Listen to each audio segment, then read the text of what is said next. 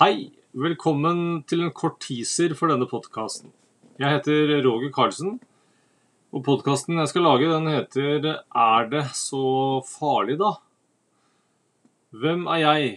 er det sikkert noen som lurer på, kanskje. Jeg kan ta vinklinga som man ofte blir spurt om på jobbintervju. Hvordan vil de som kjenner deg, beskrive deg?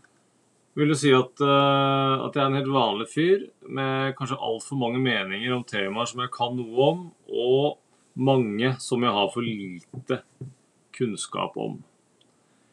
Jeg har blitt beskrevet av folk som er smartere enn meg, som en fyr som eh, presenterer alt jeg sier som en absolutt sannhet, og det kan virke som at jeg vet hva jeg snakker om, og at jeg har doktorgrad i alt, selv om jeg overhodet ikke har det.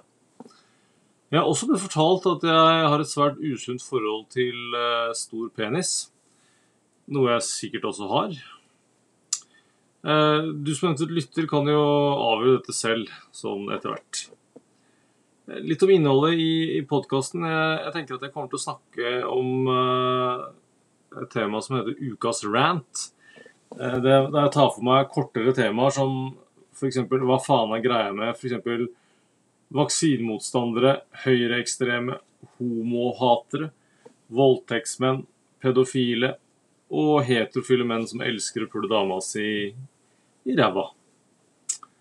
Mer hovedtemaer for podkasten der jeg går litt lenger inn og ser litt mer rundt uh, ulike temaer, kan jo da være utroskap, kjønnskamp, er feite menn i 50-åra bedre elskere enn andre menn?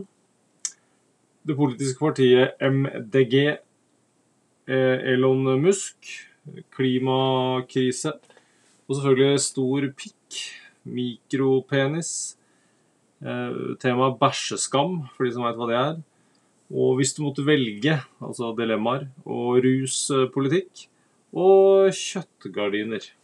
Ikke kjøttkaker, men ja. Eh, Jeg har et mål om å ikke bevege meg inn i, i rumpehullet til eh, mannegruppa Ottar, men heller ikke inn i grotta til kvinnegruppa Ottar. Jeg skal prøve å unngå begge ytterpunktene. Dette er åpenbart ikke en faktabasert podkast, ikke at noen trodde det, men det er mine tanker rundt, eh, rundt temaet som jeg lurer på, selvfølgelig. Og, og innimellom vil jeg komme med noen fakta som jeg har funnet ut på nettet. Det, og det vil jeg da i så fall opplyse om på forhånd før jeg kommer med dem.